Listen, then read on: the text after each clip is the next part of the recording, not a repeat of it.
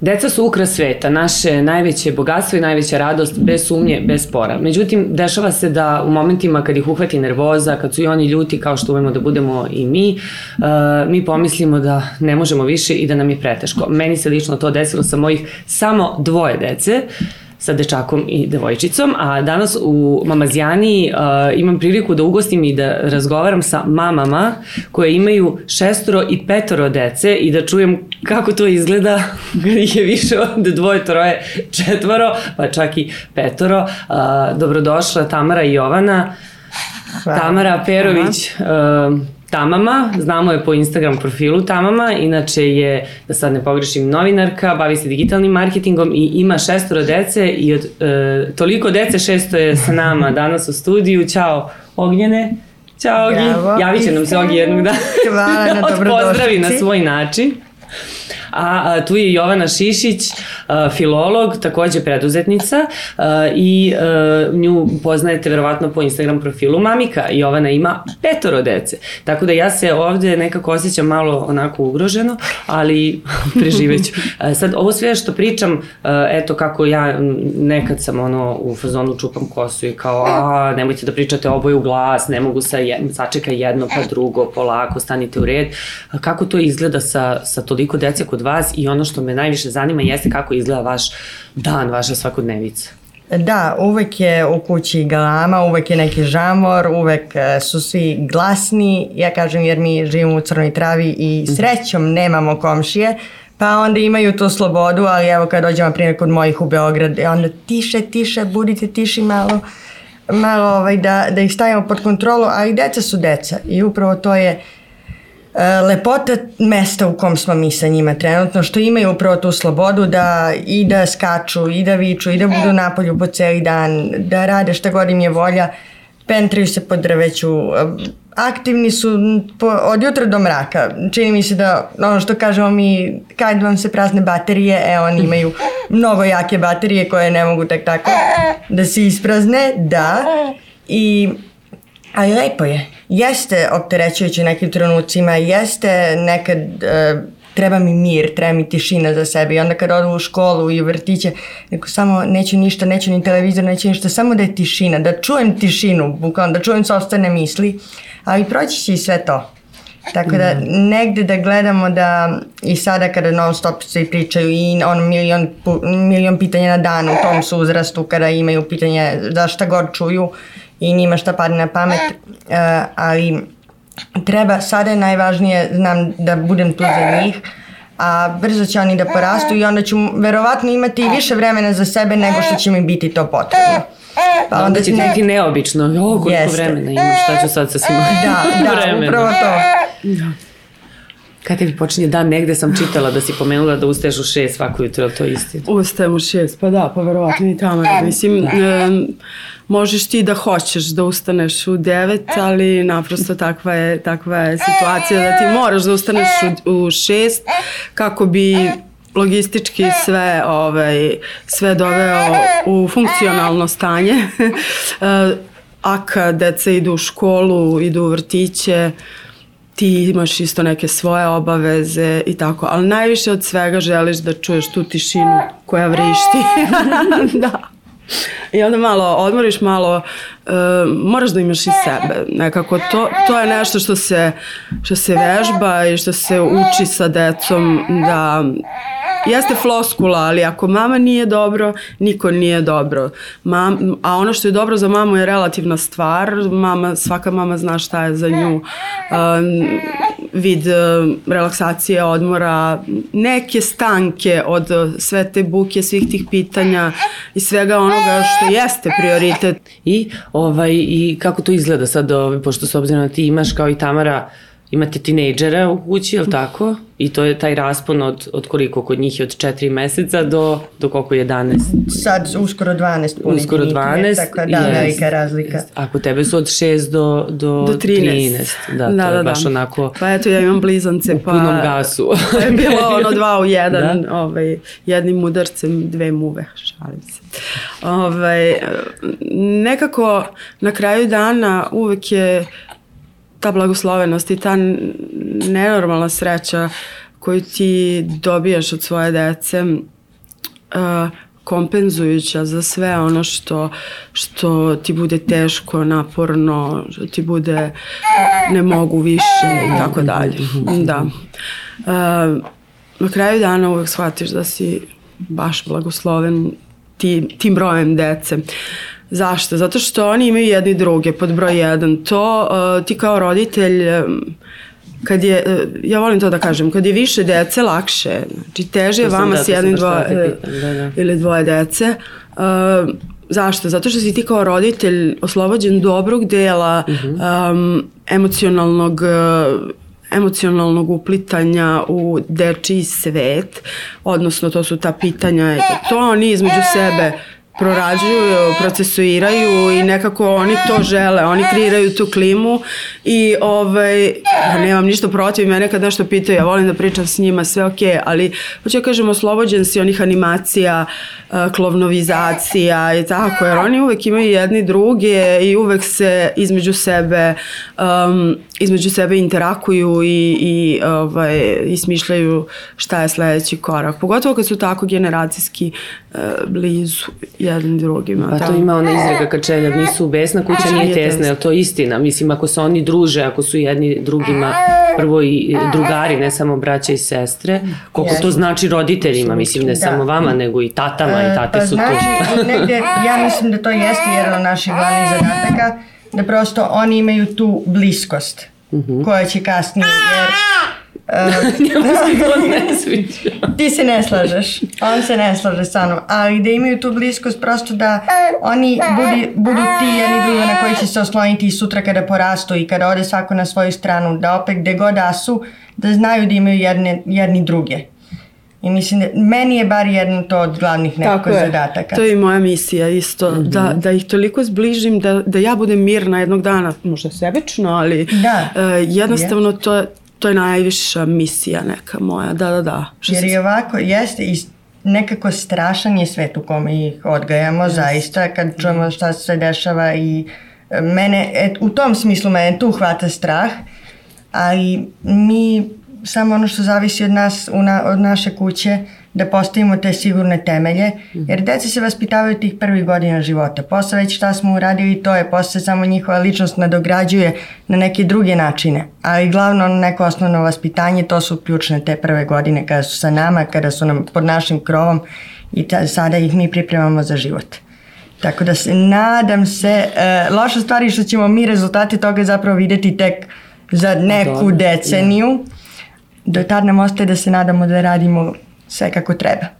to smo ovaj, mamazijani uh, isto pominjali ovaj, više puta da uh, se obhodimo isto prema našoj deci, ako ih imamo dvoje, troje, četvoro, a evo u vašim slučajevima je petoro, šestoro i oni izrastaju u različite ljude. Sad uh, vi možete da vidite na ovima koji su malo stariji, koji imaju, ne znam, to 10, 11, 12, 13, da su drugačiji, to je normalno. Da. Koliko, koliko vam je to onako što ti kažeš malo i strašno kao pa kako su sad toliko drugačiji kad su od istih roditelja, kad mi sve isto radimo, kako uspete da uklopite to vaspitanje za svakog ponosa? Pa to jeste ona ona da kažem e, težina u smislu vremena koje ti treba da uložiš u svaku tu jedinku e, da je razumeš do, do ono naj, najsuštijih detalja i da u skladu sa tim radiš sa njima, radiš, boraviš sa njima. E, ja recimo imam, imam um, jedan na jedan boravak sa svakim detetom po na osobi. Sad to nije, e, danas su pet je Anin boravak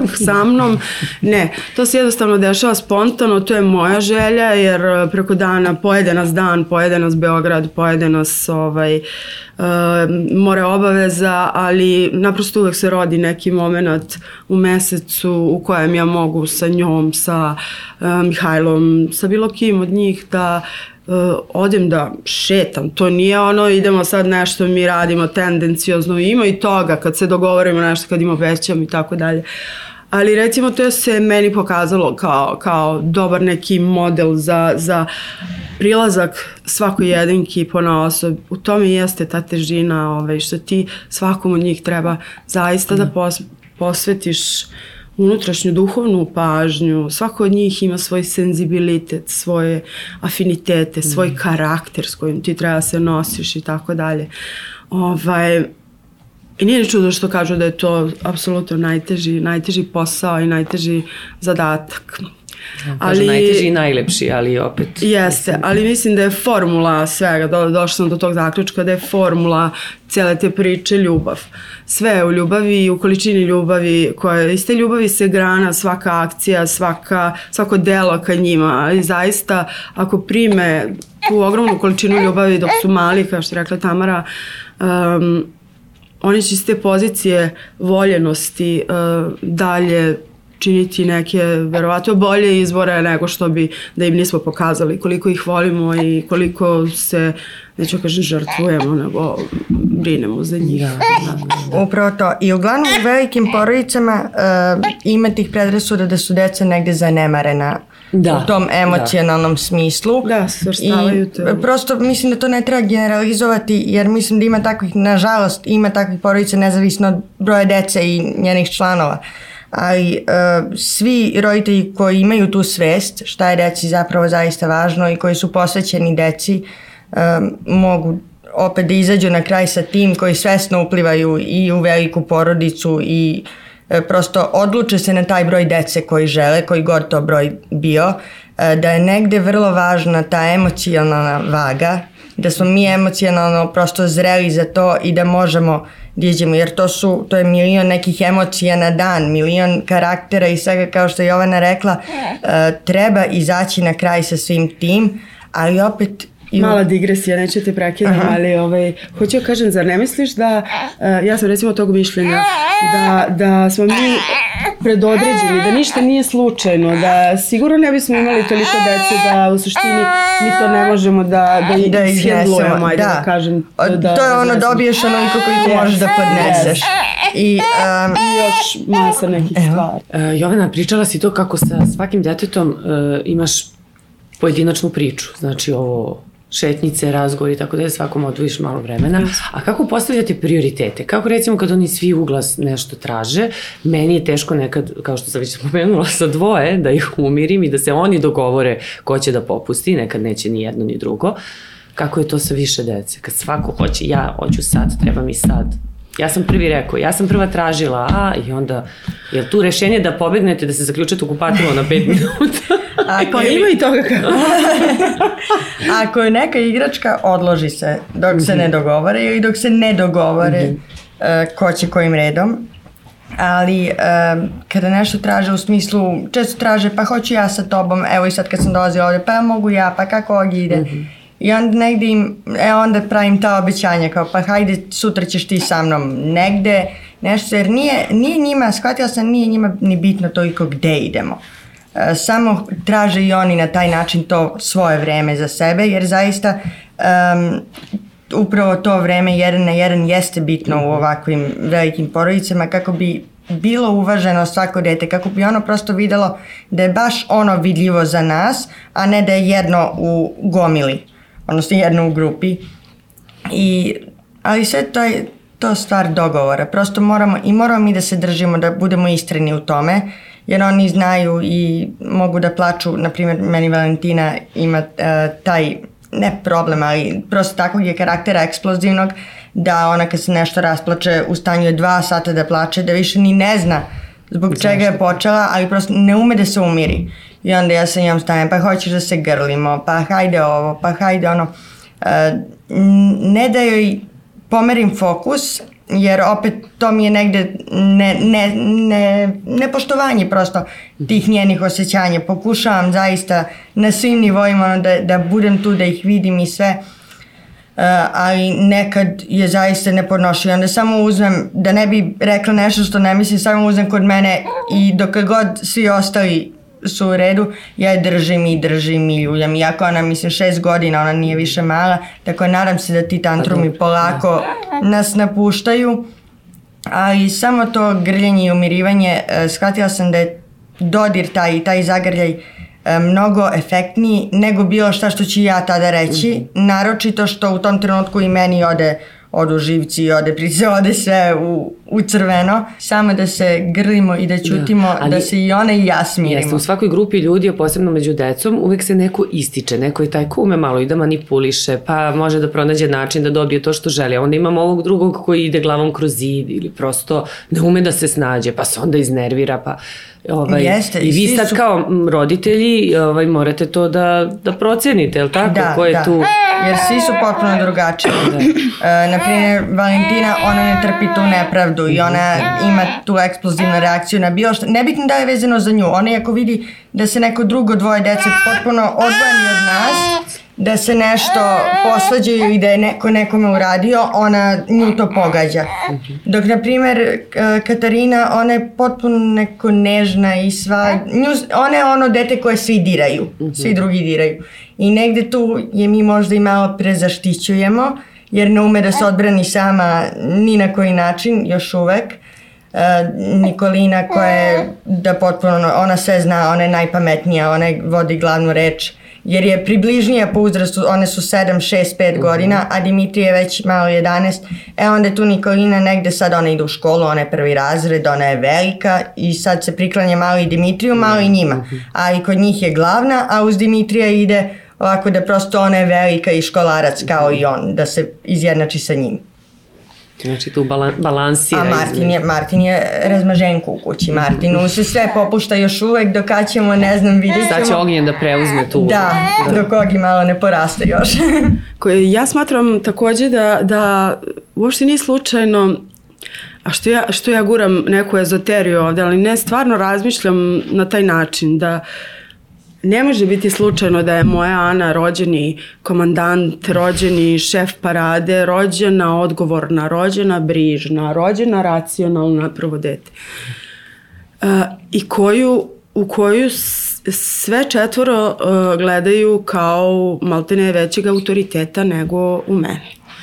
Um, to je tako, tako nekako posloženo. Onda jedno dete imaš uh, sportsko, umetničko, drugo imaš kreativno, šašavo, um, dečaci kao dečaci imaju svoje ovaj afinitete ka sportu i tako dalje, ali mm, nekako svako je različit karakter i svako ima jedna lepa priča. Um, jedan tata je imao isto petoro dece i ovaj i kad je umro njegova deca su saznala da je on svakom svakom od svoje dece govorio volim te najviše da, na svetu. Ovaj, da, i to, to i jeste taj moment onako da, da oni da oni uvek moraju da imaju nešto malo više i čak i najstarija deca te pitaju, ovaj, pa rekla si da mene voliš najviše i tako, mnogo je važno, ovaj, mnogo je važno imati taj dezintegrisan svet sa jednim od njih,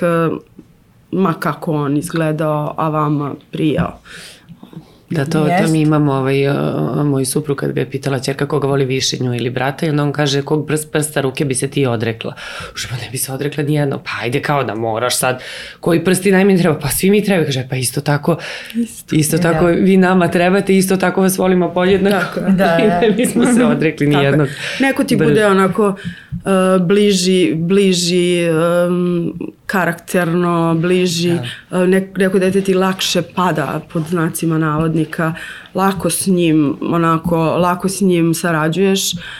Neka deca budu tvoj opozit, pa, pa su oni najveća tvoja lekcija i tvoj najveći razlog za rast, jer, um, jer ti, uh, koliko god hteo to sebi da priznaš ili ne, uh, u tom roditeljstvu moraš non stop da rasteš i kao ličnost sve. Zašto? Zato što si ti taj neki model u kojeg oni gledaju i ne vrede ni sve reči, ni sve knjige, ni sve lekcije. Oni, mislim, vrede, ali na kraju oni gledaju tebe i kako se ponašaš i kako, kako delaš i kako ispunjavaš ovo i ono, kakva si ovde, kakva si onde, kako izgledaš i to je, to je sve, sve neki, neki, neki put kojim oni nesvesno idu gradeći i sebe paralelno. Tako da je mnogo, mnogo težak to zadatak, ali opet i izazovan i opet što sam rekla, uvek, uvek kompenzujući sa, sa tom količinom ljubavi i bogatstva, ono, kao kad ih pogledaš pa kad zamisliš kako će to Evo. biti za, za 10-15 godina.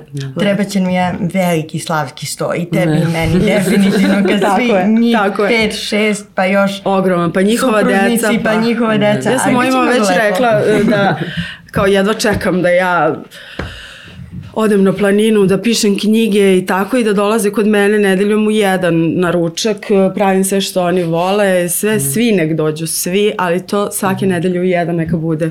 Ako možemo češće, može naravno, nisam ja ništa ograničila, Da. nego ja to vizualizujem, ono kao imam, imam neke, ovaj, idealizujem i vizualizujem i tako, to je, to je recimo jedan isto od mojih najvećih ciljeva.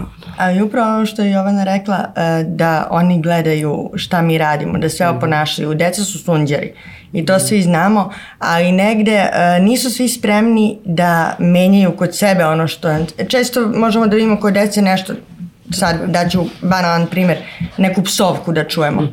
Deca su to čula ili od nas ili od nekoga na ulici. Ako su mala, vrlo verovatno u kući.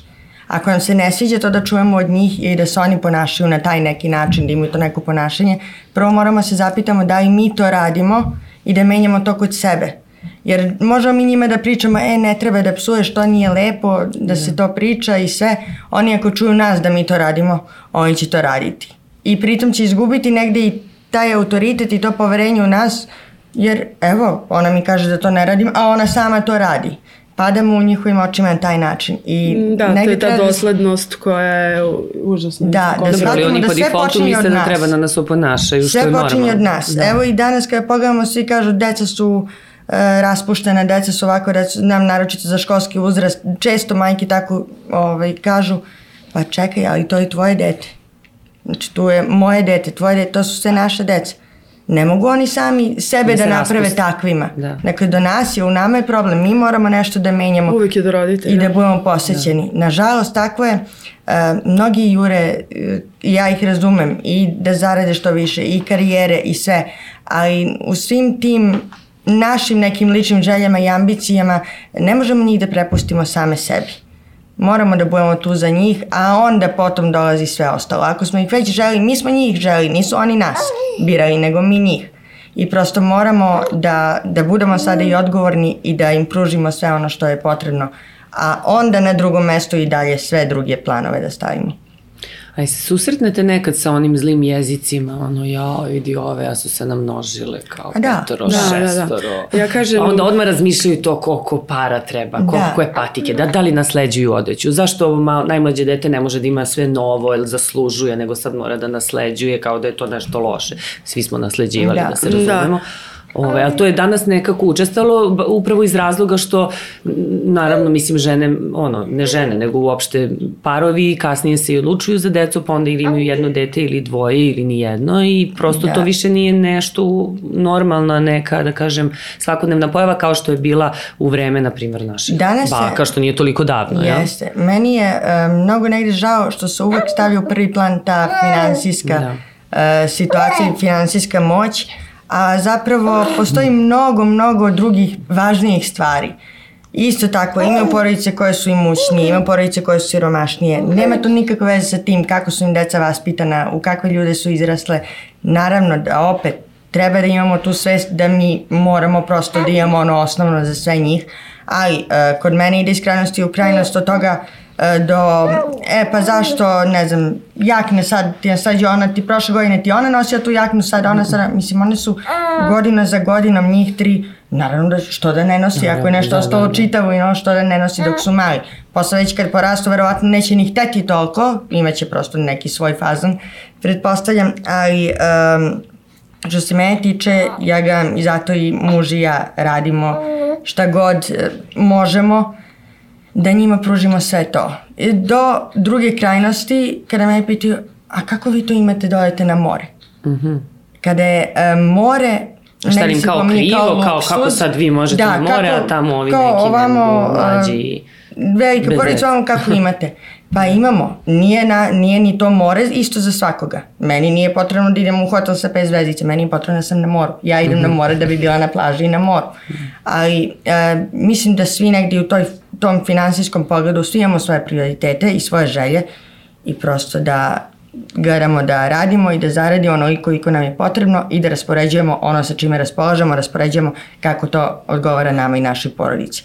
I da tu zaista nije ničija tuđa uh, briga o tome ako vam prosto nešto smeta u vašem životu, vidite šta možete promeniti, a ne da vam bude krivo zbog nečega zbog nečeg što neko radi, a vi želite, a ne smete ili ne možete. Nađite način da možete. Jer možete sve. Ja znam, mi smo plivali i gore i dole i ovako i onako i živeli i selili se i sve. I sve na kraju dođe na svoje ako se trudiš da nađeš to svoje, taj svoj krajnji cilj i to svoje krajnje odredište, da će sve onako da, da se poslože kockice. Yes. Ako imaš najbolju nameru i ideš onako da. pozitiv, ka pozitivnom cilju. Da. Da, a i, inače, žene sa mnogo dece, pogotovo ovde u Beogradu, ovaj, posmatraju te ili kao neko polubožanstvo mm. ili kao romkinju koja se... Hodajući cirkus. Jeste, koja se ono, ajde da ne, ne, ne upotrebljavam neke ovaj, delikatne reči, ali uh, nema neke sredine. Ljudi se ili oduševe tobom, mm -hmm ili, ili ovaj, i diveti se i zaista misle da je to velika, velika hrabrost. Ili te onako gledaju ispod oka snobovski i kao nisi njihova liga. Ali to toliko, to toliko ovaj, ne tangira i toliko je smešno. Pa Viktorija Beckham ima koliko petoro, jel? Da, Anđelina to isto. Anđelina to vidiš, da. Ima Oni su u stvari u trendu. Da. da. Pratimo hollywoodske trendove. Da. Ovaj, to je toliko, toliko ovaj, smešno. Iskreno.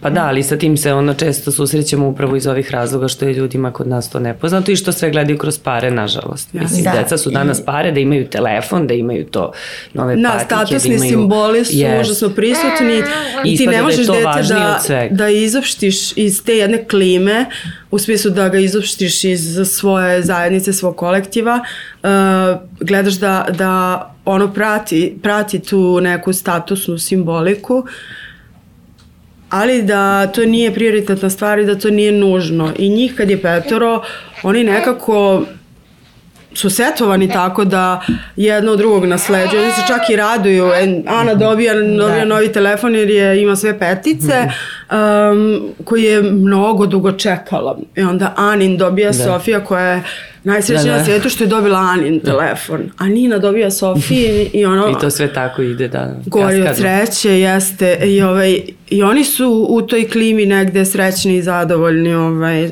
jer znaju oni da to da taj poredak mora tako, tako da živi i tako da se odvija.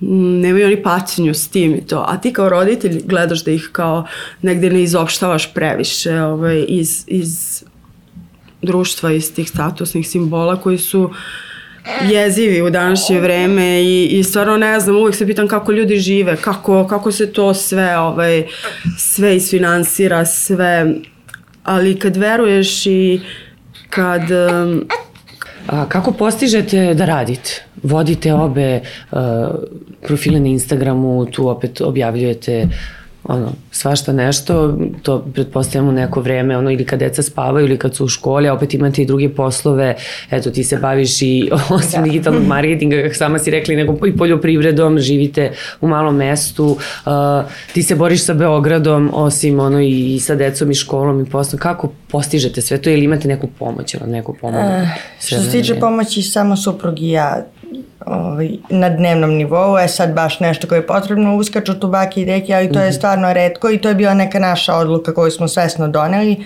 da prosto nam se ne meša niko od njih u vaspitanje i sve, oni mogu kad nešto treba da ostanu kod baki i deki, da se poigraju i to je to, a sve ono glavno oko njih mi sami radimo. Uh, ali uh, što se tiče rasporeda, ja sam u jednom trenutku sebe čak uhvatila i da negde uh, E, malo počinjem da se gubim, iskreno, e, da ne znam ono kad ću šta, e pa onda sednem sama sa sobom, ajde ovako, oni nisu tu tad, ležu tad i onda da rasporedim, da kada su mi oni kod kuće, da zaista budem tu sa njima, a da sve drugo mhm. stavim sa strane, a da za posao koristim ono vreme dok e, su oni u školi, u vrtiću i uveče kada zaspe, Pokušala sam jedno vreme i ujutru prema što se probude, sad je to više totalno neizvodljivo, jer zaista rano ustaju.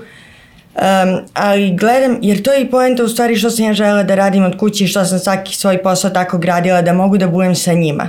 I onda ako sada ja kada su oni tu, ako ja kao, e dobro, ajde samo mama nešto završi, a bilo je takvih situacija, uh, shvatila sam da onda gubi taj smisao.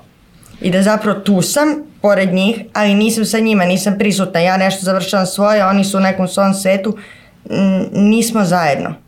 E pa onda napravimo opet raspored, promeni, promeni. Kad vidim, evo sad na primjer oko praznika sam zaista rekao, rekao ostavljam sve onako par dana ovih nova godina i to da budemo zaista mi tu svi zajedno, da nas ništa ne ometa, ali i to je opet uh, jedna prednost kada radiš sam, kada si preduzetnik i sve to što možeš, kada je potrebno možeš sada staviš na pauzu, neće ništa, nešto što si gradila godinama i to uh, često, naročito ko se bavi Instagramom i često ima taj problem kao, ali ako ne objavim danas, ako mi od, ostane dan bez ikakve objave, bez ičega, kao u smislu zaboravit će me i taj strah od nečega, na, ne može, ja sam na Instagramu na primjer šest punih godina, malo više od šest godina, e, ne može nešto, ako ja jedan, dva, pet dana ne objavim ništa, ako se povučem prosto jer mi je to potrebno, neće ništa posebno da se desi, neće niko mene da zaboravi sve. Neće tvoje postojanje online. Da, da ali da mora, da, mora, jako je važno ako radimo od kuće i ako smo preduzetnici i sve,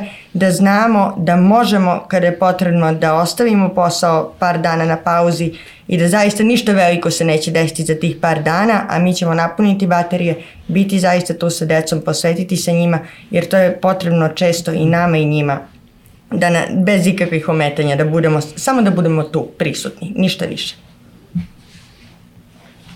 Slažem se sve, sve što je rekla. Kako ti hendluješ, kako uspevaš da žongliraš svaki dan sa poslom? Pa žongliraš nekako, to ti je, to ti je ono organski nametnuto i ti kao moraš, nekako se to samo sve podesi, ovaj, biti je to razumevanje ovaj, da ti moraš da radiš, nema veze koliko imaš deca i obaveza, moraš čak i dva, tri posla um, da bi mogao da generišeš određenu, određenu svotu novca koja će ti obezbediti ne normalan, nego ono basic, osnovni život u, u, u gradu.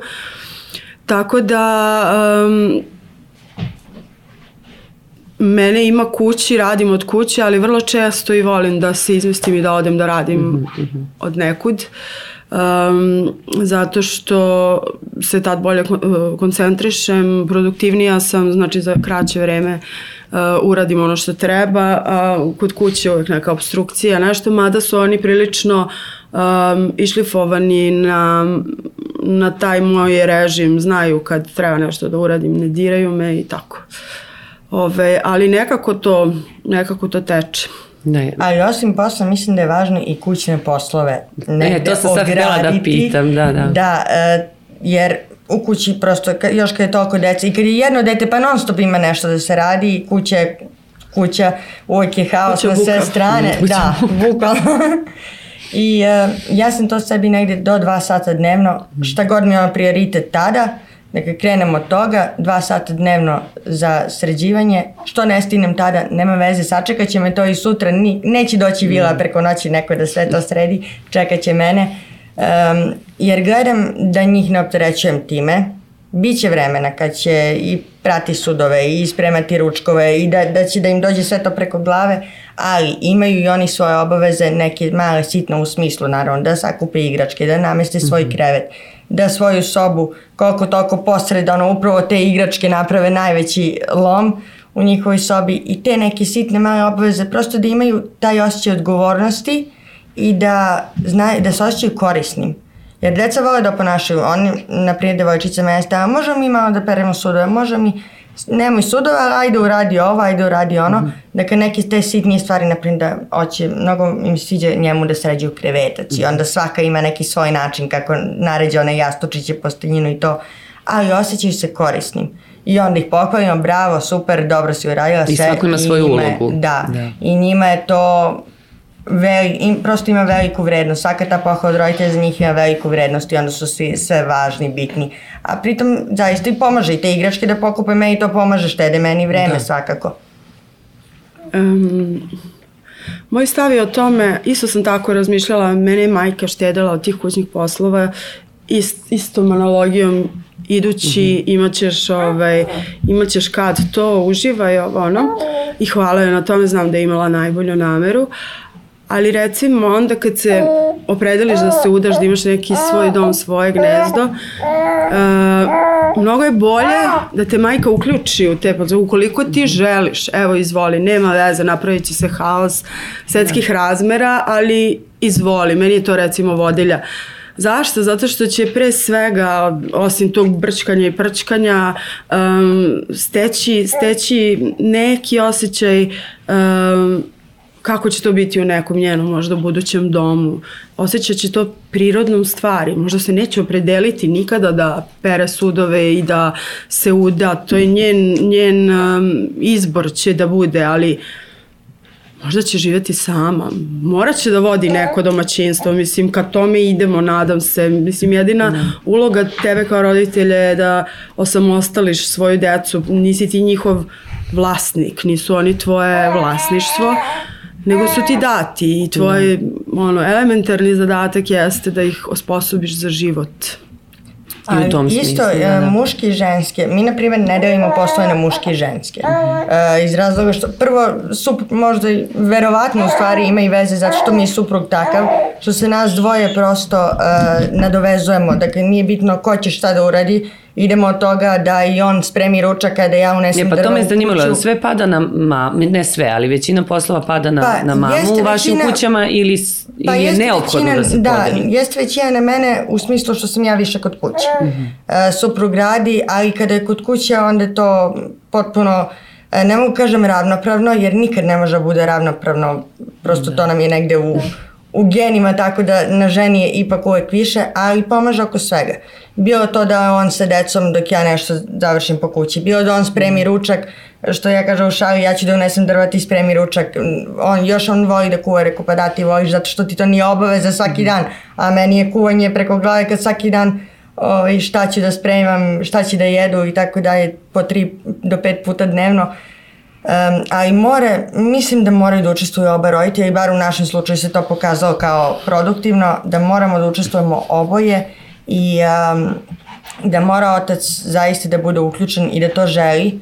E sad, opet kažem, ne mora u našem slučaju je ta podela kući postoji tako da radi ko šta stigne kome u tom trenutku šta više odgovara. Ne mora ni to, to je stvar internog dogovora e, između supružnika ali na neki način oboje moraju da budu uključeni, a opet taj najbitniji način je uh, upravo odgajanju dece, da mora da postoji ta očinska figura i ta majčinska figura. Nije ništa od toga slučajno priroda tako ovaj, odredila da tako bude, da tako izgleda porodica i sve. Uh, znači, svako od nas ima svoju ulogu. I negde, još kada čitam i stalno se pitam uh, da od svega toga, od te majčinske i te očeve figure, mnogo odluka posle u životu zavisi upravo tako što oni gledaju nas i posmatraju od tog našeg odnosa.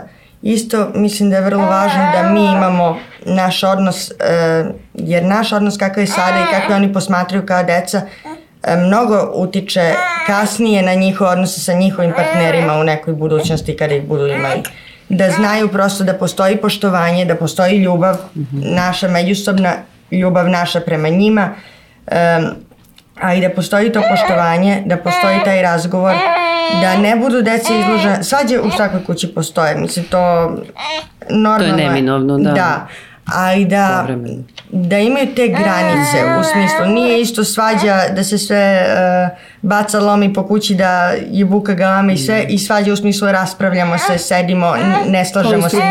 Da. mišljenja, da, da prosto ima svoje granice, da oni vide da i kada se ne slažemo ne moramo mi svi da razmišljamo isto. I mislim da to nije ni dobro kada svi razmišljamo isto, znači onda tu sa nekim nije nešto u redu ako ti nemaš neki svoj stav ali kada dođe do tih nekih razmirica i kada nekome ne, nešto smeta, da možemo prosto sednemo, da porazgovaramo, da nađemo način da to prevaziđemo i da rešimo, da koliko god da smo ljuti i besni, da to prosto može da se ostaje u tim nekim granicama. I onda čak i I kada obuzne ta ljutnja i bes, prvo malo stanemo, e pa posle nekog vremena onda, ok, ne da. pričamo, mi smo tu, ne pričamo, pola sata ne pričamo, mm -hmm. e posle sad moramo propričamo, jer ajde ti preuzmi ovo, ajde ti ovo propričamo, e onda posle sednemo, raspravimo to, vidimo šta je problem, rešimo ga. Um, I mislim da se više radi na tom rešavanju problema kada je porodica veća. E, teže je negde možda odustati od nje. Ljudi danas um, negde ne, ne mogu da kažem trpe jer ne treba niko ništa da trpi da me ne shvati neko pogrešno, ali um, mnogo su manje spremni na kompromise. Neće niko ništa danas da trpi. I neće posmatri ono što je. Jovana pomenula, posmatri to kao žrtvu. Ono što si rekla, Da. ne kažem žrtva, uvijek Da. je tu neka priča o, žr o žrtvovanju. Jeste. I onda e, s- imamo veliki broj i razvoda i svega i to je sad, mi se potpuno normalno, ok, ako ti ne odgovara, naravno, bolje je dobar razvod nego loš brak, ja sam tog stava. Ali e, mnogo malo ljudi, moj lični stav, danas radi na tome da njihov brak i njihova porodica bude funkcionalna. I da je tu negde najveći e, problem ovog našeg današnjeg društva, što nismo spremni da, da delimo, da pravimo kompromise i da negde svoje to ja, taj svoj ego malo, malo povučemo nazad. To je ono, ta osnovna ćelija društva, porodica je urušena dosta i, i odražava se kroz to. Neću Da. da. se cimam, neću se žrtvujem, bolje mi je sama karijera. ja, ja, ja, gde sam tu ja, da. Da. Strah kao taj strah od, od egzistencije i toga. Ali razumem, ja razumem potpuno ovo vreme i svako, svako je kovač svoje sudbine i radi kako A da s druge treba. strane, e, dru, s druge strane ovo vreme nam je fenomenalno što ja gledam opet sve iz svoje neke perspektive, iz uh, mesta gde mi živimo, iz poslova koje ja radim. Vi možete šta god želite. Samo treba to negdje da osvestimo, da li to stvarno nešto želimo. Ako želite da živite na selu, vi možete nađete način da to i ostvarite. Ako želite da putujete negde, vi možete nađete način da to i ostvarite. I da negde sve shvatio prestanemo da krivimo nije nam sve savršeno u državi, nije nigde sve savršeno. To ne postoji, onda bi to bila utopija. Utopija kao takva ne postoji u realnom životu, ali da shvatimo negde, da prestanemo da krivimo bilo koga drugog za bilo šta, da shvatimo da sve zavisi od nas i da krenemo iz te perspektive, da menjamo sebe, pa da potom utičemo i na decu i da iz te perspektive i vaspitavamo njih i gradimo svoje međusobne odnose i posle ceo neko svoj život da oblikujemo na taj način. Da se zaista mi za sve pitamo i da možemo, možemo zaista odgovorno tvrdim jer ja sam ta koja je došla sa tim a što ja ne mogu, ako je neko nešto uradio što ja to ne mogu. Dakle, možete samo ako vi to želite. Samo treba da smo spremni na to. Da. Imamo, sad, ljudi imaju sposobnosti, neki veće, neki manje, i organizacioni i sve ostale, ali imaju i strah i panika je tu vrlo često prisutna, naročito kad se uh, širi porodica ili možda je čak i veća panika uh, kad se čeka prvo dete sad. Jeste. Vi se sećate tog perioda kad se čekalo Jeste. prvo dete, davno je bilo. Ove, ali eto, kako vam je bilo tad, a kako je bilo kasnije Bože, sa... što je to bilo bezbrižno vreme. Eto, vidiš. E, ali negde možda i nije toki strah jer ne znaš šta te čeka. Možda čak neko se više plaši sa drugim kada prođeš one faze, ja, te grčevi, pa kad Ja prođeš sam u stvari grčevi imala veći zubi. strah od porođaja sa drugim detetom nego sa to. prvim ništa. Znači bila sam totalno smirena, spokojna, idem Da. kao da se porodim, da Zašto sa idem drugim, kući se vratim možda je teže i kada znaš šta te Da. čeka, pa onda zato veći strah i Da. bude. Ma porođaji su super iskustva. Ali koliko bude stvarno lakše posle? Sad recimo to trećim, četvrtim, dobro, ti si rodila blizance, peti, to je, to je četvrti, Četvrti, peto peti. dete, to je četvrti porođaj u stvari. Jest. Ali opet i četiri puta, za tebe već še, šest, i to je bilo Da. ono da možeš i sama malte ne. Da, aj, jeste, za posljednji porođaj su mostovi. Mi smo tu ako nešto zatreba, Zove. pored mene babice i to je. Dakle, še, svih šest uh, prirodni bez ičega, bez epidurala, bez ičega. Ali i posle kada dođu, uh, negde najveća razlika meni je bila između prvog i drugog deteta. Uh, Dimitri je imao četiri godine, četiri i po kada se Nikolina rodila i onda on je do tada bio centar našeg sveta i sve je bilo podređeno njemu. I negde da, tu mi je bio najveći izazov da on ne oseti veliku razliku u smislu da sada njemu beba smeta i da on to nije hteo, ali da da negde izbalansiram njegove potrebe gde je već samostalno dete od četiri godine i jednu bebu koja je srećom bila prilično mirna, a onda je došla i mislila sam da je to bilo najteže. a onda je došlo treće dete i nije sada nama to predstavilo mnogo veliku razliku, ali bila je manje razlika između njih. Nikolina je imala 15 meseci kad se rodila Valentina uh, i kad god, dakle ovako bilo sve u redu, jer beba kao beba spava većinu dana, ali kada se ona probudi i zaplača, kad ja priđem krevecu da uzmem, da, kako ja uzem Valentinu, Nikolina sedne na pod i počne se dere i vrišti i to je bilo nepodnošljivo i to je trajalo nekoliko dana. Ja sam na kraju razmišljala šta da radim, ne mogu, moram da uzem bebu da nahranim, ne može ni nju niko da smiri, ona protestuje. A, jeste vi planirale da imate ovaj, višečlanu porodicu ovako ili je to nekako došlo? Ono, e, step by step, što bi rekli, ovaj, postepeno, neplanski, kao ajde sad, šta je tu? Ja moram biti iskrena, ovaj, ja sam imala tri devojčice i meni su one bile ono, centar sveta, više nisam htela da, da ovaj, imam dece i desili su se blizanci, dva dečaka i naravno ovaj, kao svaka prava patriotkinja, srpkinja, pravoslavka, ja sam rešila da ih rodim i da, da vidim kak, kako mene ovaj, I to dečaci taj život vodi. Da, eto. To je moja neka priča. Mislim, obradovali su me, ovaj, kao tako je moralo, tako treba da bude. To je to. To je moj neki podvig, to je moj krst, znaš, čim se tako desilo pod pod stotinu nekih okolnosti koje nisu bile podržavajuće mm -hmm. uopšte ja ostanem trudna i to je gledam na to kao na Božje čudo eto Mi smo, e, nismo planirali odmah u smislu, e, mi ćemo petoro, nego kako se koje dete rađalo, onda u nekom trenutku dolazila priča, pa da bismo mogli još jedno, da smo kapacitet za još jedno, da mi to možemo da izguramo. I tako dolazio, e, on nije bio planiran jedini, uh, ali kad smo... kad smo saznali da sam trudna, prosto to je bilo to, znači, suđeno je bilo, jeste. I došao i ognjen. Jeste. A ti si poslednji. Definitivno, da. A je nekih momenta kad ono nedostajete same sebi, da vam nešto, nešto fali, da recimo iz perioda pre dece ili da se tako setite nekad, eto ja što bi sad ne znam, sedela i ono, gledala u more, u, u reku, pila kafu. Da, ima tih Jer sa decom dolazi i, i briga. Mislim, Tako to je. smo isto ovde pominjali više puta i ta briga je večna, trajna, naravno ne mora da bude loša, ali je uvek prisutna i prosto ne da nam da, da budemo više u tom nekom stanju uh, relaksacije, mira. opuštenosti i mira, kao što je to nekad bilo kad smo ono, bili u fazonu, ma šta me briga, mislim.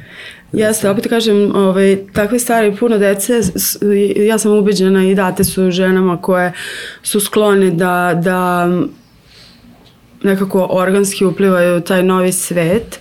Uh, ja se nikad ne bih vratila, mislim imala sam divnu mladost, divno detinstvo i sve, ali hoću da kažem da um, da je mene majčinstvo potpuno nekako zaokružilo, ovaj, da, da volim da budem majka i da sam iz fazona da kao život tek počinje, život mene tek čeka, tek ću ja uh, svoje neke zamisli da ostvarim onda se u sledećem momentu uhvatim za misao koliko imam godina i kao da li ću to sve stići kao blagi neki anksio, da, da li ću sve stići sebi da to nekako ovaj, obezbedim sve, sve te ciljeve, ali ovaj, nadam se da hoću. Mislim da je jako važno maštati, jako važno stremiti nečemu, zadržati taj neki duh u sebi koji ti olakšava tu svakodnevnicu, ovaj, mm, mnogo dece i mnogo želje da, da kao odeš na Mars pet minuta i da se vratiš. Ja to recimo sebi i obezbeđujem na neki način. Um, jednom u nekoliko meseci odem sa prijateljicom na planinu, dva, tri dana čisto onako da se resetujem i vratim se nova i potpuno re, restartovana. Ovaj, treba mi to nešto i shvatila sam to i sebi to uh, sebi to obezbeđujem. I deca su već na to i navikla i ne gledaju na to kao na neki životni prekršaj njihove mame, ne, to je to je Dobro, ali to je dobar primer, odnosno model da i oni ja vide da nadam. treba da, da zadrže deo da. sebe i kad imaju da. porodicu, kad su yes. u braku, mislim, to ne znači Druga da stvar, treba, treba da i da radiš i ti da. desi se da nemaš, nemaš pet minuta ovaj, da obaviš hiljadu nekih stvari i taskova koji su se nagomilali stvarno treba da se izmestiš iz te atmosfere i da i da pozavršavaš stvari koje imaš. Da biš začuvala zdrav razum, moraš prosto da, Da, jest. da posvetiš sebi sebe. Jeste. I um, mnogo mi je interesantno ono što je Jovana rekla, jer moj muž misli da sam ja jedina, što kaže za ambicije i sve, da li ću sve stići, da li ću sve postići, pošto kaže, ti si previše ambiciozan, ti previše hoćeš u istom trenutku, a ja, mene to radi. I onda ja to tako guram napred, da. E, što kaže, opteretila si se i poslovima i na sve strane, koji god posao još da može, da mogu da radim, ja ću da ga radim, ali e, ja to volim i negde prenosim na njih. I isto tako sve što radimo, ja poljoprivredam, nismo mi veliki neki poljoprivrednici, mi smo više za naše, idemo Pa da. za nas, idemo ka tome da budemo samodrživo domaćinstvo. Um, ali, jeste, ali uče deca uz nas. Ja kad radim nešto u bašti, oni su tu pored mene. Njima je interesantno da kopaju, da sade, da pleve. E, sve to njima je interesantno, a zaista mnogo uče e, radeći to sa mnom. I ja jesam, bukvalno ja jesam odrastala uz decu jer ja sam prvo dete dobila sa 20 godina. I sada tek kada razmišljam o tom svom periodu, shvatim koliko je to negde bila luda usijana glava koja može sve i sada i dalje mislim da može sve, ali mislim da sam malčice uh, ipak odrasla i da sam malo negde znam i da stanem i da budem racionalnija, malo. Ali um, moraš da, da odrastaš i ti, moraš da radiš na sebi, da da neki svoje, ne samo u smislu kao roditelji, kao dec, kao na relaciji roditelj-dete, ali negde i sama sebe da nadograđujem, da radim ono što mene čini zadovoljno. Nebitno sada količinski koliko to kada uspem, zavisi od perioda i od mnogo toga, ali da uvijek imam to nešto svoje što mene gura napred i što čini da sam zadovoljna van te roditeljske uloge, da bih mogla i potpuno tako zadovoljna i e, prosto celovita, da budem posvećena i njima i da budem prosto najbolja verzija roditelja koji mogu svoji deci. A koliko vas istroše sad te, ti svakodnevne te obaveze, zadaci, imperativi sa svih strana? Jel vam deca vrate onda malo tu energiju i snagu ili dodatno troše? Kako to izgleda? Pa dodatno, ima momenta kada uđem u kuću i kad vidim kuću koja je, uh, kroz koju mora da se prođe konjem otprilike. Prevrnuta ono, naopačke. Jeste. I automatski ovaj, doživim nervni slom da stvarno niko iza sebe nije mogao da i nekad imam osjećaj kao da imaju namerno ono tovara što više, što više stvari. Nije, u stvari oni ne daju sebi oduška i ti stalno moraš da, da glumiš nekog policajca, nekog redara koji će tu da, da ovaj, ja e, baš za to onako nemam nerava što bi rekao e, jedan čovek nemam nerava. Stvarno nemam nerava da niti da ja budem ta koja će sve to da radi. Umorila sam se mnogo. E, zato što ti sve to uradiš i to se sve sija i sve tu u tebi je nervoza i umor jer si sve to sredio i onda dođu neki mali indijanci koji sve to oni ne znaju e, tvoj napor ne znaju šta je to zapravo i niko Kako njih neće reći spontano. hvala mama Da. što ovaj pod jako lepo sija hvala ma niko to Da, neće da. reći jeste ok higijena uvek je to na visokom nivou higijene u smislu žive tu deca ali ovaj ali to sam naučila da što kažu munem vamo, munem tamo, sve radim, ono multitaskingujem, radim sve usput um, i eto, ovaj, one moraju, što kaže Tamara, svoje sobe da, da sređuju, da uh, mačku, morsko prase, sve to što su želeli da održavaju i tako. To je to. Od kućnih poslova ne stresiram se više Mhm. uopšte. Ako, ako ne stignem, ne stignem. Gledam šta mi je prioritetnije. Mislim, moram da legnem malo, da odmorim, da se naspavam. Um, evo izvolite, kome smetaju sudovi, operite ih vi ili ću ja kad se malo odmorim, to je to. Nemam ono više onu presiju. Da, pa mora da bude ovo na ovom mestu, ovo ono. tu, ono, Sreće pa da. više gosti ne dolaze. Provalili to? Gosti ne dolaze, nema ko da ti ono zazvoni Da, da, da. kao doš na vrata i to da te prepadne, eto to je lepa stvar ovog zadnjeg vremena. Ja, kod nas ima ne najavi, mi smo na selu. Mislim, tako na volim selu- goste, majke, nije to. A na selu, obro- na selu ti samo dođu. Da. Ni ne znaš ni ko, ni kad, samo Kao dođu. ranije, kao na da. vrata, da. I Tamo dalje kad uđu da rasklone malo. Da. Samo, Samo da malo. sednu. E, jednom prilikom si pomenula, neki intervju sam čitala, pa su te pitali jel ti muž pomaže? Sad malo pre smo pominjali tate. Htjela sam da se ubacim, ali pa, me da je prekida. Pa da, ali kao, kako, šta to znači pomaže? Pa to su njegova deca, to jest tate su tu koliko i mame. Da, to su naše zajedničke I sad deca. i za ove, i za te kućne poslove i sve to. Kako se vi dogovorite, ili napravite neki plan ili to opet ide spontano? On kaže, e, ja ću ovo, ajde ti završi ono, ne znam, sutra ću da odem da nabavim šta treba za ovo dete, ono dete da pre, odvezem na trening ili ovamo, namo, Da, kod nas je situacija takva da se spontano stvarno oko svega dogovaramo. Uh, nemam, uh, nemam tu vrstu saradnje u smislu kućnih poslova. Um, ali za razvoženje, odvoženje, dovoženje to je okej. Okay. I smatram da stvarno ove, on ne pomaže niti meni, niti ikome, pogotovo ne meni, nego on to radi sebi i svoje deci, mislim, ravnopravan je član porodice. E sad to što smo mi na Balkanu i što je um, ovaj, što je ta, kako da kažem, izmače mi misao, um, žene, žena je tu predodređena da je ne, za domaćicu, kuće, za domaćica kuću, za i da, poslovi, to. ali ta žena sada 2024. 23. takođe mora mnogo i da radi i da ovaj da ispunjava sebe na neke načine, da ima neki hobi možda slučajno ili da, da je ambiciozna, da hoće dosta stvari i onda mora da bude i, i ta domaćica a priori. Teško je izboriti se za taj neki novi nivo, novi mm. nivo patrijarhata, kako bih rekla. Da, ovaj. jer ženama se samo nadograđuju obaveze. Jeste. A oni su na. A oni su na da, Balkanu, da. ono, da. I sad ja vas zato pitam, jer znam, mislim, oko mene ljudi uglavnom imaju jedno, dvoje, troje dece, to je neki maksimum, ali čini mi se da ovi koji imaju troje, ti si to tamo pomenula, da se ne razlikuje mnogo od nas koji imamo dvoje. Recimo, da. jedno i dvoje se razlikuje, ali već troje kad pređe yes, tu da, da. granicu, ovaj, nekako hendluješ lakše. Mislim, yes. čini mi se da to ona priča, znaš, sa prvim detetom sve sterilišeš, savski onako da, da. u paranoji, a onda sa drugim je lakše, treće, zato sam malo pre sam pitala iz ognjena, ono će da, sam da se presvuče. Znaš, pošto kao sve e, što ih više, onda sve neko usput se radi iskustvo, i da. onda da. te neke, da kažem, sitnice, nemaš vremena kada razmišljaš mm -hmm. o njima i da se opterećuješ njima. Jer ako to radiš, prosto eksplodirat ćeš, da.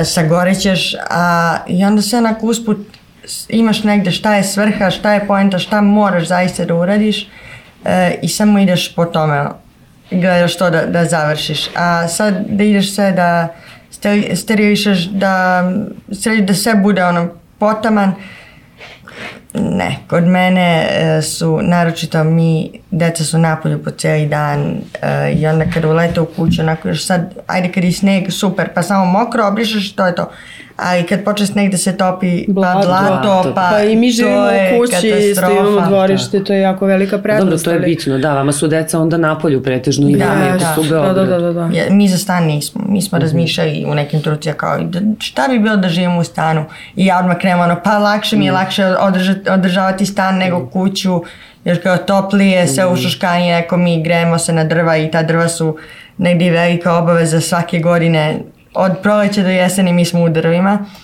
ali um, imaju, opet kažem, mogu i da se prljaju i da se brljaju u napolju i po blatu. Mislim, mi živimo i u toj čistoj sredini.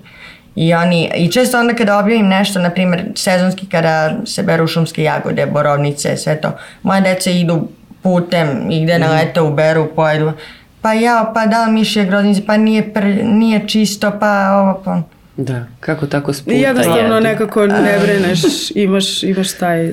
taj neki... Ja se volim to logiku, naročito tamo kod nas. Mnogo su manje šanse da će nešto mu se desi od, to, od te šumske jagode što ubere i pojede odmah, nego od onih jagode što mi kupujemo u marketu. To je sigurno da te jagode Tako ne znamo da, ni dakle su stigle, da, ni kako su uzgajene, e, ne znamo Upravo zato ta hrana i to što ja kažem da dođemo do tog nivoa samodržavog domaćinstva, jer hrana je meni negde kad počnem da razmišljam mm. o tome šta sve mi unosimo u sebe, čime hranimo mm. decu, koliko god gledamo da je to zdravo, da je to organsko, da sve negde ja možda imam problem sa tim deklaracijama i tim, ali nisam baš uh, pretarano poverljiva. Dok ne vidim gde je raslo i dok ga nisam ja ubrala i spremila, Zato ćete imati ovaj, samo održivo domaćinstvo, kao što si Da. rekla. Ali stičem utisak iz vaših priča da je možda čak i lakše e, hajde da ne kažem kontrolisati, ali vaspitavati decu i održavati taj neki ono, mir, i, sta, mir i stabilnost, nadgledati ih kad su u većem broju, jer oni jedni i druge paze, ovi stariji paze mlađe, onda e, ako izađu napolje,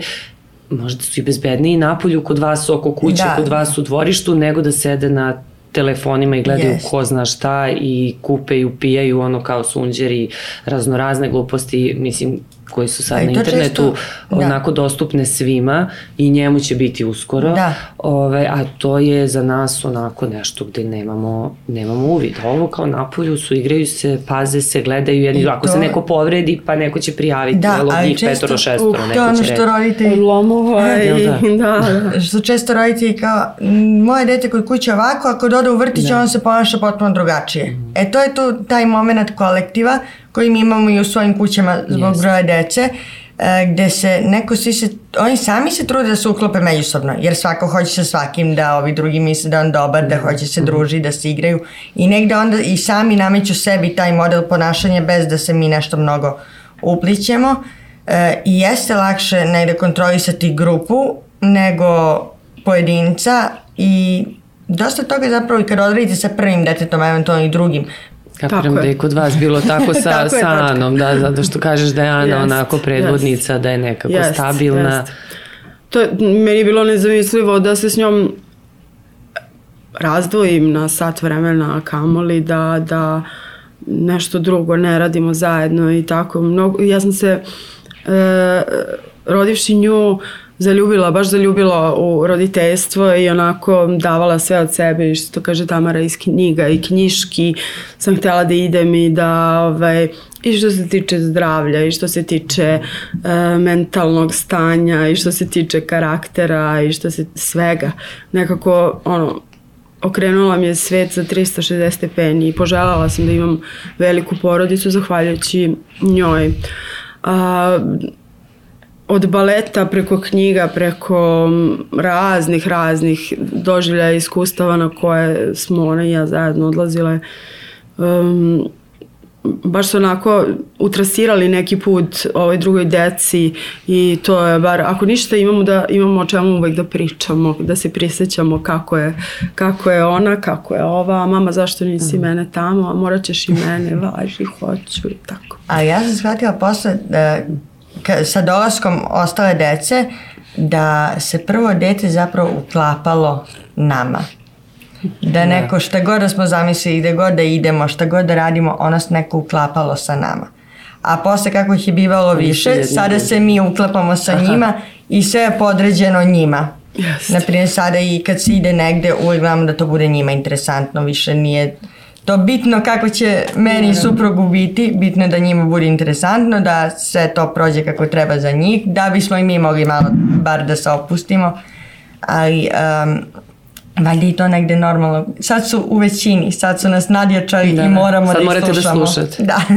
Dobro, to je zanimljivo, ono što si pomenula, rano si rodila prvo dete sa 20, koliko si imala kad si rodila? 28. 28, dobro, ti si malo starija, tako sam i ja, 27-8, ali uh, onda ono rastete i razvijate se u stvari u svoju decu, koliko su Tako vas je, menja- oni menjaš se, naučili, koliko su se, vas da. i promenili, ne samo Da, da. naučili, nego uopšte da kažete, eto, da nije bilo dece, ja sad ne bih bila ovaj čovjek.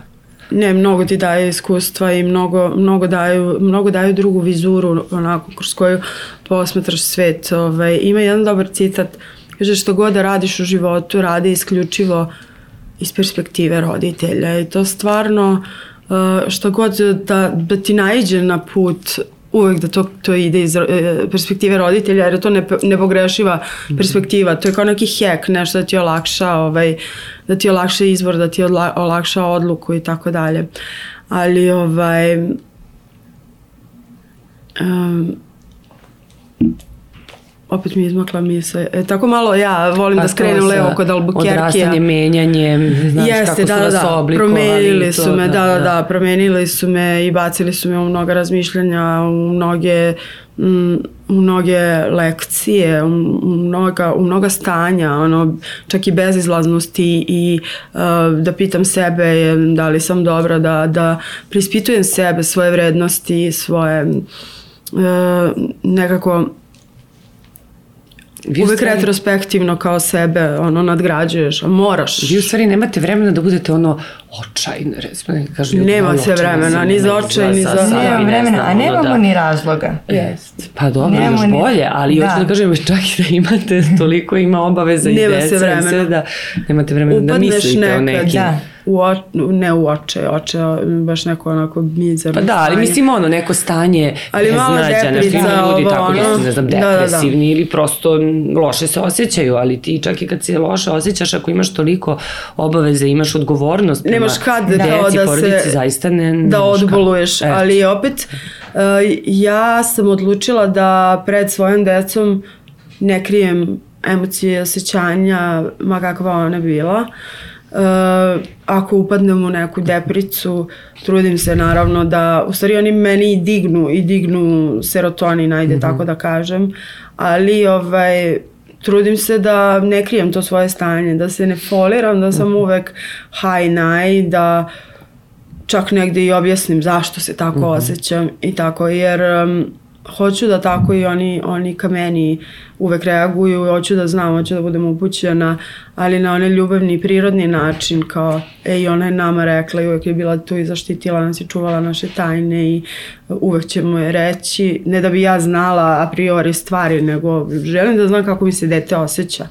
U svakom I šta mu se dešava Jest, i jest. kad nije tu. Ja se sećam Dimitrije kad se rodio i sada kad ja sam bila u jednom ušuškanoj porodici, živala kod svojih, sve uvek brige su nosili mama i tata. Um, ja imam mlađu sestru i kada se rodio Dimitrije, seća se još kad su mi ga prvi put dali u ruke, ja sam ih pitala, ja sad njega nosim kući, ja sad treba, to je moje i nosim ga kući. Meni je to zaista bilo potpuno neverovatno. E onda negde iz te ušuškanosti uh, sam, hajde, mnogi će reći rano, ali sad kada pogledam opet, trebalo je to sve tako i da bude, um, da prosto shvatim da sam ja odgovorna za njega, da nije više sve ono, da ugađam sebi, da mogu tek tako nonšalantno da se ponašam i naučio me mnogo toga. E, Ne, nisam sigurna da li sam više ja naučila njega ili on mene. I zaista i ta odluka da odem na selo da živim, sve je to došlo opet zahvaljujući njemu. E, Da počnem da vodim računa o mnogo toga drugog što ranije mi nije bilo prosto pre toga i tineđersko doba i, i srednja škola i posle fakultet. E, sve negde se bavila se novinarstvom, htjela sam tu mm. novinarsku karijeru, to je meni bilo, mišljenja sam bila da mi je to bilo zapisano i suđeno i da je to tako, onda sam skroz promenila sve. Kada sam otišla iz Beograda u Crnu travu, e, ja nisam znala da kuvam. Ja se sećam, otišla sam tamo i zovem mamu, tetku, zovem ih da ih pitam kako da spremim ovo, kako da spremim ono. Sada već sve to je opet prevaziđeno, mm -hmm. ali zaista onog trenutka kada sam se ja izmestila iz roditeljske kuće sa sve Dimitrijem, on je taj imao dve godine kada smo otišli u Crnu travu, um, tad sam se ja zaista naučila životu. Tad sam shvatila šta je zapravo život. I često meni je moj tata stalno pričao, e, ja ti želim, znaš onu jevrijsku poslovicu, evo ja ti želim malo drugačije. Da imaš, pa da nemaš, pa da ponovo imaš. Jer kaže sada i ti i tvoja sestra, sada sve znate, sve imate od nas, sve vam je obezbeđeno, a kaže kada ne budete nekad nešto imale i posle kada uspete sebi da obezbedite, e onda ćete tek znati da cenite to. Jer sada vam se podrazumeva, vi kada ste u roditeljskoj kući, E, mi smo posle, na primjer, u Crnoj travi živeli jedno vreme bez kupatila, živeli smo jedno vreme bez veš mašine. Sve, svih tih nekih stvari koje se prosto podrazumevaju, koje su normalne, ali znate kada živite bez njih, pa posle ih ponovo imate, e onda ih zaista cenite. da. da. I onda mnogi tako stvari sam naučila da da zaista cenim i da negde budem na tom nivou zahvalnosti i zahvalna da šta god da se dešava da prosto budem svesna onoga što imam u tom trenutku i da osjećam zaista zahvalnost ka tome. I to je ono što meni obezbeđuje taj moj mir. Sad će onda da kaže, da, slažem se. Tako, je. Možete da odvojite nešto, da izdvojite šta vam je recimo u odgajanju ovih petoro, šestoro dece, da je Ognjen tek krenuo na svoj put sa vama, bilo negde najteže, najkompleksnije, da li je bilo nekih momenta iz kojih ste mislili da, da nikad nećete izaći ili da ćete se teško izboriti? Ja se sjećam momenta kad sam ostala trudna sa blizancima i kad sam zamišljala, sećam se, sećam se gde sam sela, sela sam na zidić od kuće neki i onako sam razmišljala ja šta me sve čeka i kad će prođe minimum 5-6 godina da oni kao budu, kad će to da bude, ja to, kako ću ja to, e znam da sam bila u tom, I evo, oni sad imaju šest godina i mm, kao ajde, brzo je prošlo, ali to je baš onako, ovaj, blizanci su jedna posebna priča, mm. jedna, jedna priča koja ne može da se ni sa čim uporedi ili da se meri. Oni su od samog porođaja pa do preko dojenja, preko odrastanja, preko odgajanja, pogotovo ovi dvojajčani različiti potpuno i karakterom i fizički um, opet i daju zadatak da kao uh,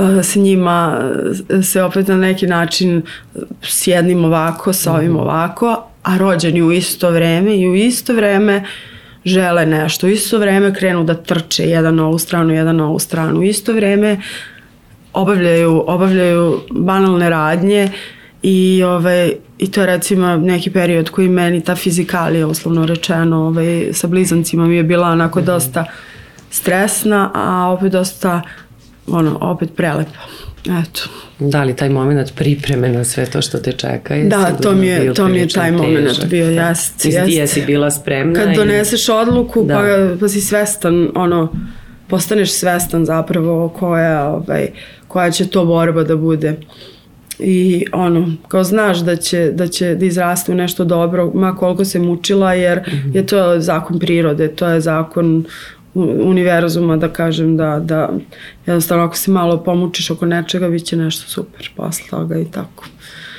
Da, to se pokazalo do sad. Kao Meni je bilo negdje nespavanje Um, kad su devojčice bile je sad njih tri jedna za drugom sve A ne sve, spavam sve 10 tri su se i dalje da, Da, sve tri su se i dalje budile noću. Odnosno kad se treća rodila ova prva Mhm. se i dalje budila noću.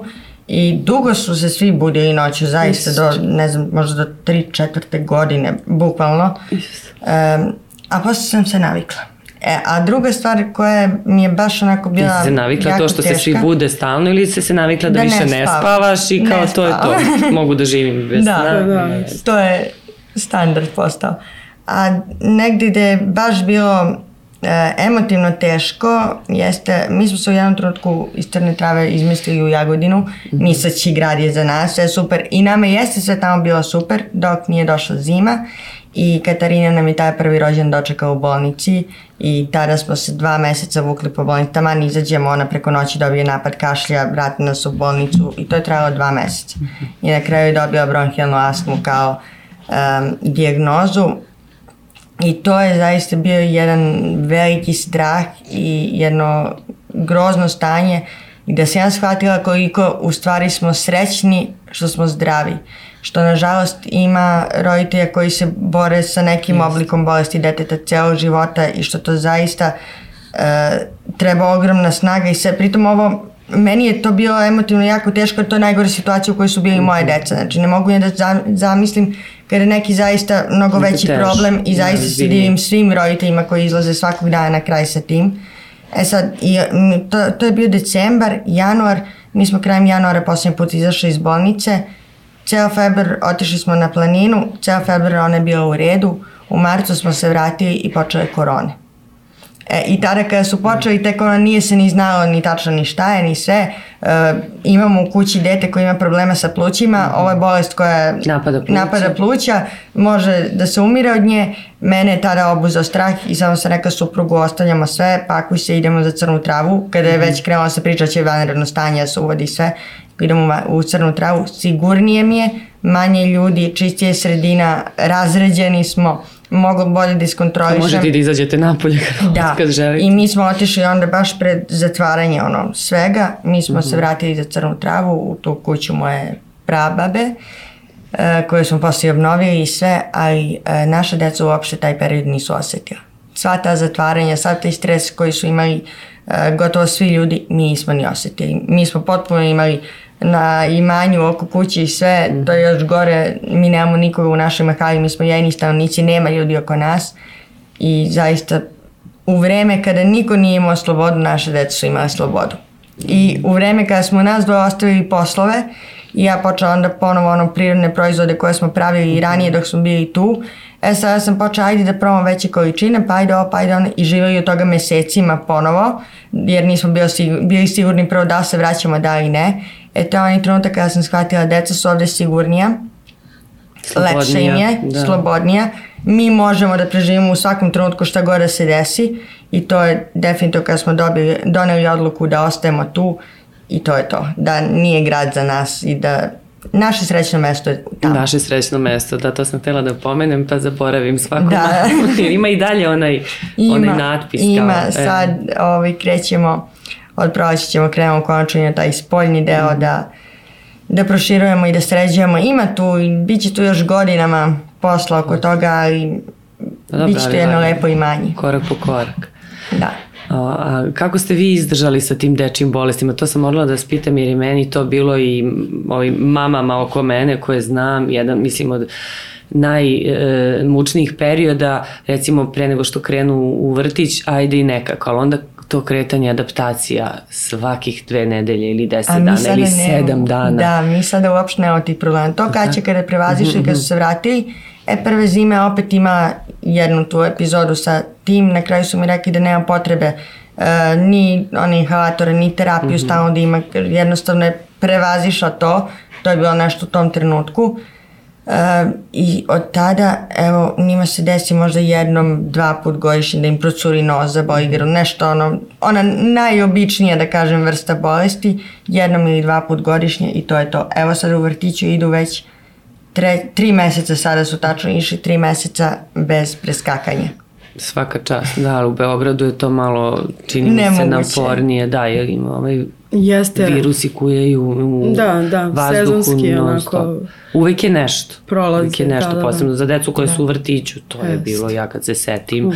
Znači nismo ni stigli, već, već se vraćamo i kao pauza sad, sedam dana kod lekara, ajde opet kod lekara, to je bilo. Da, a ti, na primjer, moraš da radiš i nema ko da ti čuva dete, ali ti moraš da odeš po njega u vrtić i da ga vodiš kod lekara i da donosiš potvrde i, ovaj, i da ga lečiš i to. Jednostavno baš moraš da si hobotnica ono da bi sve to sve to nekako uspeo, ali dobro onda se uključe babe, tetke i Sa svih strana. sa svih strana, da, da, da, da bi, da bi uspelo to da se Mada moji klinci nisu uopšte bolešljivi, uh, Bogu hvala, onako imaju jake imunitete i povremeno prođu te viruse, da li letnji, da li zimski, ali nekako ja tome ne pridajem neku veliku važnost. Ne, zato što kod nas recimo ako uh, Petra čerka, ako ona kaše, ja onda znam da će i Uroš sin posle Da, dve nedelje, kako svi- se kod Da, nje onda svi, smiruje, da, da, da. tako kod njega kreće i sad razmišljam kako je da. vama Odmah se svi se izređuju, četvoro, ako petoro dece, uhvati, da. da, znači samo idu jedno za drugim i to onda se prolongira na, na dva Da. meseca. E, meni je jedino žao kad su boginje imali, e, boginje nikako svi da onako,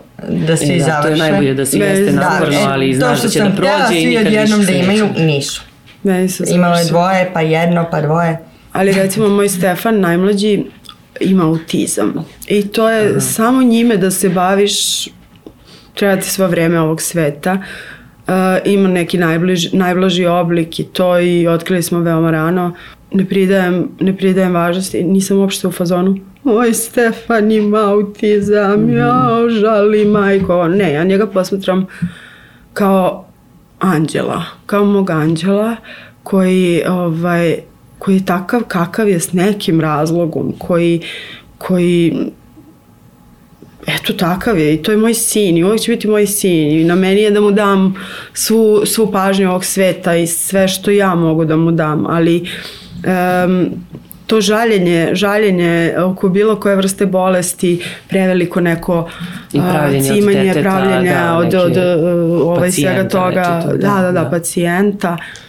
Baš nisam u tom fazonu i nekako ovaj, to je moj krst, idem dalje.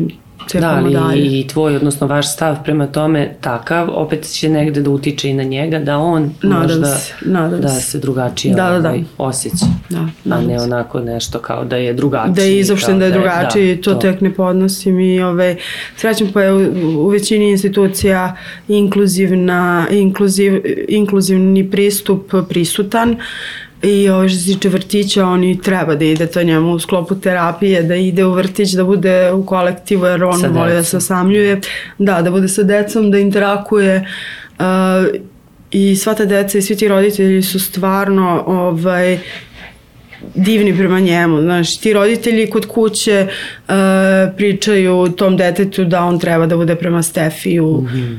takav i takav vaspitači da. uvek. Um, onda ti nailaziš na more tih nekih situacija uh, u kojima si zahvalan stvarno, ovaj, znaš ono kako može, odlično je.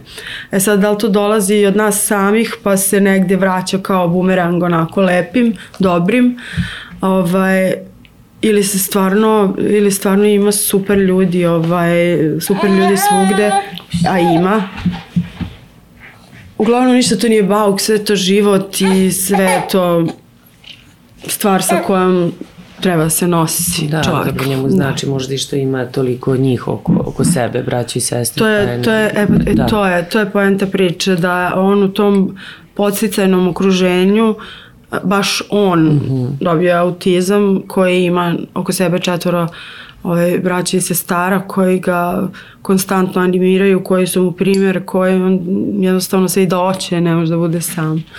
da, tako da ne da mu se. Ali dobro, to je, mislim da je to svakako pozitivno za, jest, za jest. njega. Ali imate vas dve možda neki savjet za ove mame što planiraju veliku porodicu ili razmišljaju o tome, pa imaju ono što smo na početku pričali, imaju neki gard, neki strah, ali da možda ipak ovaj, to i nije tako loše. Ovo sve što ste do sada ispričale, koliko je to zaista bogatstvo i, i, i snaga i sve ono što će vas negde sačekati, eto i kad oni odrastu, da treba da misle unapred. Pa nema razloga za strah. U smislu, ako zaista svesno doneseš jednu takvu odluku, naravno sa partnerom, ako oboje ulazite svesno u to, snaći će se. Jer svi se plaši kako će ovo, kako će on. Kada ti dođe, snaći ćeš se. I bit će se, uvek na kraju ispadne sve kako treba. A ako nije sve kako treba, onda nije kraj. onda nije kraj, bravo, da, da. da.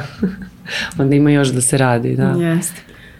Ne, ja bih uvek, i uvek i savjetujem savjetujem. Ono, kad me neko pita kako je, ona želi veliku porodicu i to ja uvek okuražim tu ženu da, da obavezno stvori veliku porodicu jer nije ista količina ljubavi koju primaš od jednog ili dva, dva deteta, već uh, primaš, na primjer, pet tih nekih mera ljubavi mm. i tako skrenemo u, u to nešto ljubavno, ali stvarno jeste tako da da iz dana u dan spoznaješ da, da će ti bude super sutradan, sve bolje, sve bolje, sve bolje.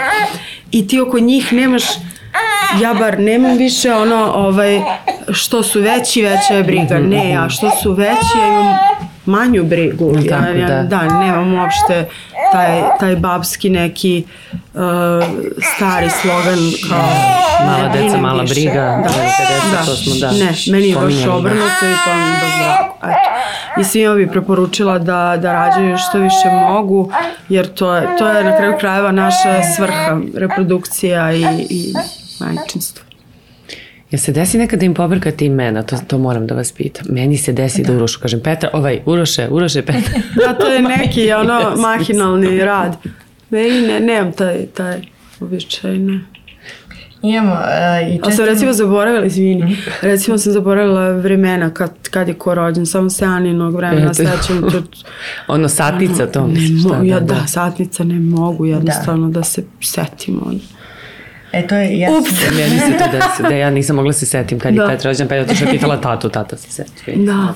Ovaj, e, imamo, meni često, pa kad nešto sa ne, nekim pričam ili nekoga opominjem i onda mi ostane kao kad izgovorim više puta ime i onda sledeći šta god daje sa sledećim ja onda sa tim imenom ga oslovim i onda kao shvatim da, da je greška. Ali um, muž na primjer često to me meša ali sve to bude slatko i onda ka, Ma da, to je simpatično, to više ona- onako mahinalno, Ja da. kao, ali nisam ja Nina, ja sam Mm. Kaća. Ali dobro, to je sve normalno. I nas su isto, ja i sestra smo dve, moja sestra isto se zove Jovana. I onda totalno drugačije imena i sve, a opet su nas smešali, mislim, ide sve Pa to. to ti pričam. Mislim i meni se to Da. dešava, onda sam razmišljala ako zamisli sad kao petoro, šestoro čoveče, ja ne bih znala kome prvo da se obratim i kojim imenom. Kako da ih oslovim. Ovaj, šalimo se naravno. Tamara i Jovana, hvala vam puno što ste bile gošće današnje Mamazijani. Ognjene, hvala i tebi. Hvala tebi, Ana, na Pa, pozivu. pa. Hvala Samo- puno na pozivu, baš nam je bilo lepo, mislim meni baš Jeste, nam je, ja, da. ja sam tu objedinila i I Tamaru. uspeli smo. Uspeli smo da ga Da, uspavamo. we made it. Uh, sad vam kažem, po, pozdravite vašu dečicu, ljubite ih, nastavite sa njima ovako kako ste do sad, jer to očigledno uspešno radite, a evo Hvala. ovo što ste ispričale pomoći će, nadam se, nekim uh, mamama koje se nose sa više dece, a i onima koje se spremaju na to. Nadam se. Srećno vam svima još jednom nova godina, već smo čestitali u prethodnim mamazijani, ali mislim da i ovo ide praznično. Uh, I svi predstojeći praznici uživajte sa vašom decom ako ih imate ovoliko, ako ih imate i manje, a ako ih nemate sa bliskim osobama i pratite mamazijani u narednoj godini. Hvala svima i vidimo se. Ćao svima.